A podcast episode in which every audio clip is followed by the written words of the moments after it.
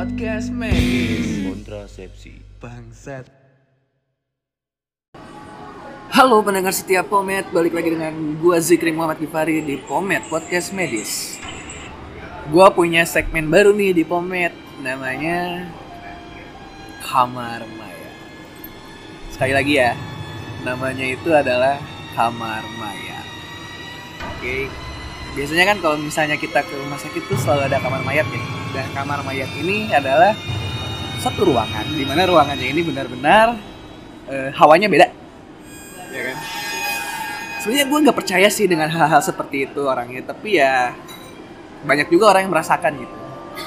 Dan emang karena kalau misalnya podcast horor ini banyak banget yang dengerin gitu. Jadi gue akan coba nih ulik karena setiap rumah sakit itu punya cerita seramnya tersendiri. Gue kedatangan seorang mahasiswi dari gue sebutin jangan. Dari Uki Yoca eh Natalin Pepayoca Bangun. Gue tahu nama Ca Hai. Hai lagi. Karena dia teman satu SMA gue dulu.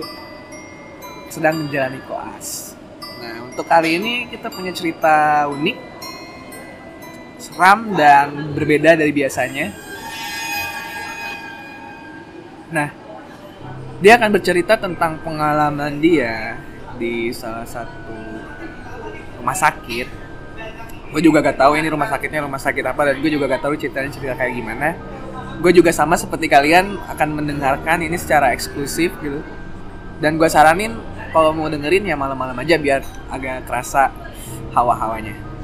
Oke, Natalin Pepayoca. Bagaimana sekarang kesibukannya? Masih koas? Masih, masih masih koas. Jadi gimana nih? Lu mau bar- mau berbagi cerita apa nih di kamar mayat ini? Segmen kamar mayat, sorry. Oke. Jadi guys, sekarang gue mau cerita sedikit, Sedikit. tentang beberapa hal mistis dan Ya. hal-hal gaib yang bisa dirasakan atau bisa dialami di dunia perkoasan. Iya, karena kita yang orang medis nih sangat dekat ya dengan hal yang namanya mungkin Hidup dan mati. hidup dan mati. gitu. Iya. Ini lebay sih, tapi kita ada di dua ada di dua sisi itu. Gitu. Mhm. Terus Sejujurnya kalau misalnya mau boleh bicara, gue sama juga sebenarnya kayak Zikri tadi. Iya.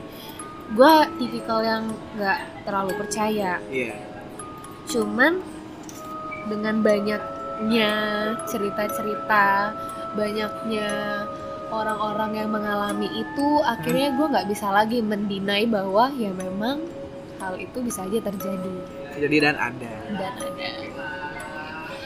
Jadi pada jadi pada satu rumah sakit, sorry gue nggak boleh sebutin rumah sakitnya. Iya. Di rumah sakit ini eh, dan gue jamin setiap rumah sakit pasti punya ceritanya Masing-masing. Tapi jangan sampai kalian takut pergi ke rumah sakit ya. Iya enggak enggak. Jadi di rumah sakit ini eh, ada salah satu bangsal. Hmm?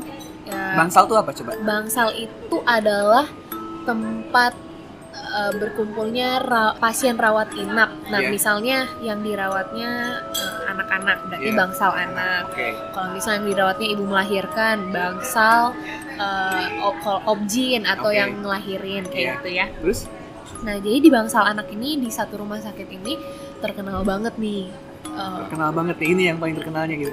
bahwa ada beberapa spot yang cukup angker. Anak. Berarti itunya anak ya nih. Iya. Oke, terus lanjut. Terus eh, dari segi infrastrukturnya aja, Hmm?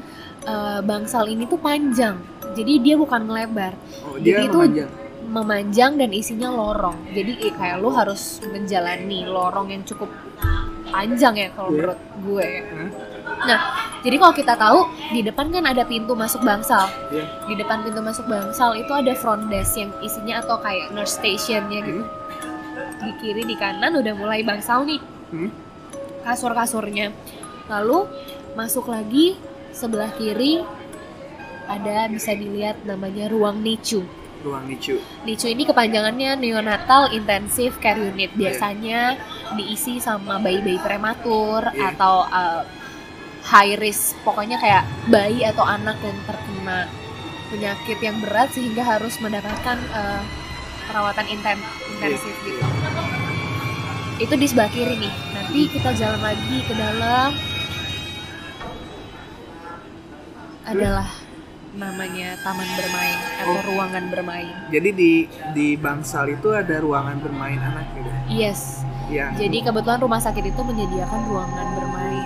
Bisa diceritakan seperti apa tempat ruangan bermain? Eh, jadi ruangan bermain ini kalau misal kita lihat dia tuh kayak sekitar nggak besar-besar banget tapi nggak kecil juga dan isinya tuh tau nggak sih kayak mainan yang ayun-ayunan gitu Oh ayun-ayunan terus kayak mainan eh, pokoknya yang paling banyak di situ ayunan yang di lantai gitu Iya, ya iya, tahu. nah dan setiap nggak ada pasien ya pasti mati lampu di daerah ruang bermain itu Oke, jadi ruangan bermainnya sering dimatikan. matikan lampunya Main-main tuh mereka di sana. Hmm. Hah, kan? Kemudian ucuk-ucuk-ucuk jalan lagi, akhirnya sekitar 2 meter dari ruang bermain atau ya 2 sampai 5 meter masuklah kita ke ruangan koas. Jadi kalau kita bisa bayangkan ruangan koas itu benar-benar di paling ujung dari si bangsal ini. Oke. Oke. Ruangan koas ini besar banget, besar banget. Eh, besar banget lah pokoknya. Hmm. Nah, cuman sayangnya adalah Hmm. eh kalau anak kan pasti ada jaga malam ya. Iya.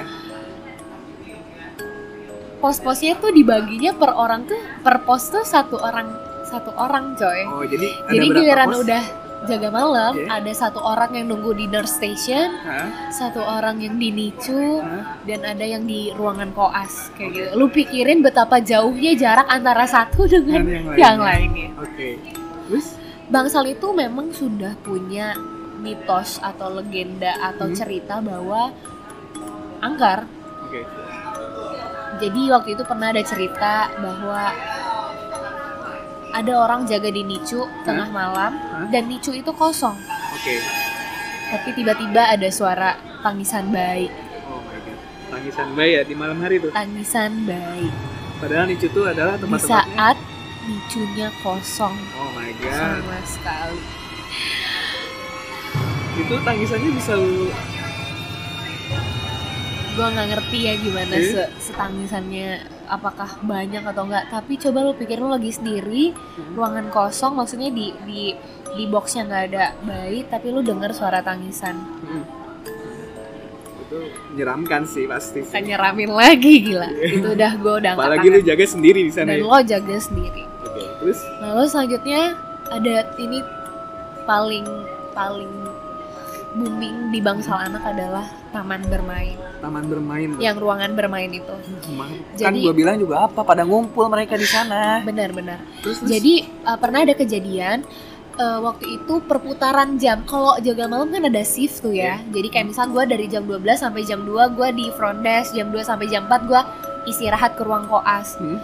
Coba lo pikirin dari front desk perpindahan mau ke ruang koas itu Iya. jalannya jauh banget gak? Iya. Jadi ada satu itu uh, waktu itu ada satu orang dia jalan tengah malam dan Hmm. kebetulan bangsalnya lagi sepi. Hmm.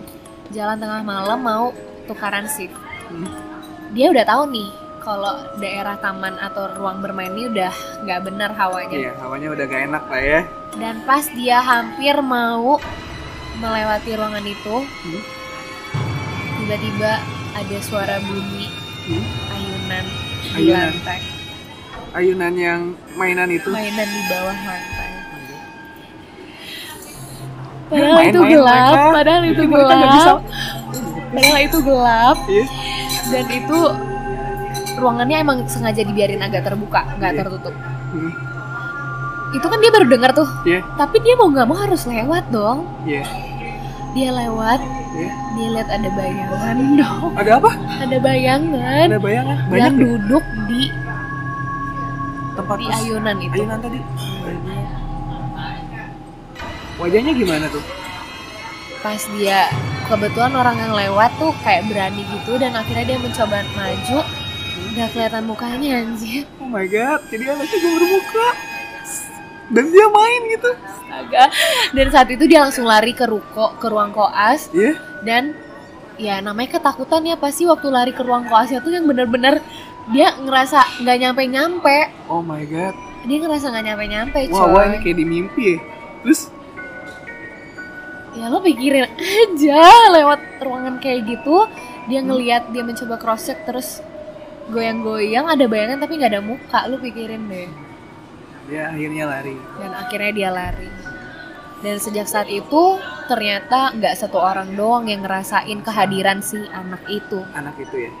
Oke kita nggak tahu ya siapa nama anaknya ya dan ya nggak tahu nggak ya nggak tahu juga sih gak mau gak mau tahu juga sih gue latar ya kita juga nggak tahu ya latar belakang dia kenapa masih stay di sana. di situ gitu. Ya, tapi mungkin ceritanya dia juga meskipun dia adalah makhluk yang mungkin kita bisa bilang gaib ya masih oh iya ada satu lagi. Oh ya ada lagi. Yang di ruang koas jangan salah ruang koas tuh oh my god agak seram juga. Terus gimana tuh di ini kelas? singkat banget jadi kalau di ruang koas kan tidur. Lu ingat ya kalian ingat kan tadi gue bilang ruang koas ini besar banget. Iya. dan lu pikirin yang jaga cuma satu orang di situ. Berarti ruangan sebesar itu cuma kita sendirian di situ. Iya. ada satu orang yang mencoba untuk tidur gitu kan. Nah. untuk tidur. Terus tiba-tiba pintu digedor. Digedor ya? Dua kali. Ih sama anak yang tadi dong. Dua kali. Terus? Ya dibukalah kan masih masih siapa? Nggak Iya. ada orang. Iya. oke. Tidur lagi tiba-tiba diketok lima kali ini beneran? Iya. gitu. Diketok ya terus? Diketoknya yang bener-bener kayak Kenceng. buka gitu kayak iya Oh my kayak- God. jadi ada tenaganya gitu dibuka. Oke oke terus? Terus orang itu ya bangun ngeliat siapa sih? Iya. tapi dia udah tahu dia diganggu. Iya, terus? Terus akhirnya dia bilang dodong dodong dia bilang kayak gitu. Oh ya terus? Dan ternyata enggak tetap digituin. Oh my god masih tetap dong. digituin. Terus dia harus gimana? Tetap digituin sampai intinya gimana ceritanya si yang ngetok itu nggak mau koas ini tidur di situ. Dia gak mau kelasnya tidur di sana ya? Iya.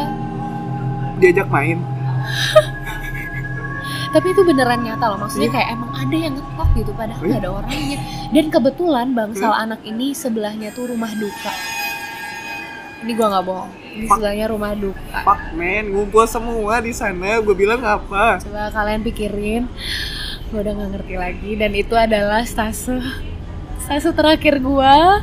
Semoga gua nggak dapet di sini Oh ya, oh, lu?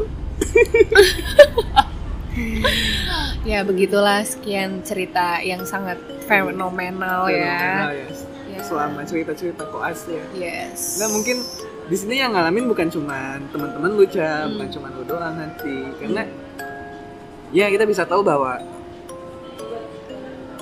rumah sakit itu kan banyak ya dan banyak juga orang-orang maksudnya bukan banyak orang-orang ya banyak juga cerita yang ada di dalamnya gitu. Hmm. Nah ini sedikit cerita dari Yoce aja tentang ya tentang hal gaib yang terjadi yang dialami oleh Yoce-nya sendiri mungkin dan teman-temannya.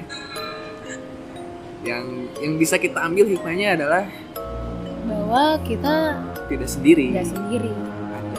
Apalagi kita orang medis tuh sangat dekat dengan hal itu.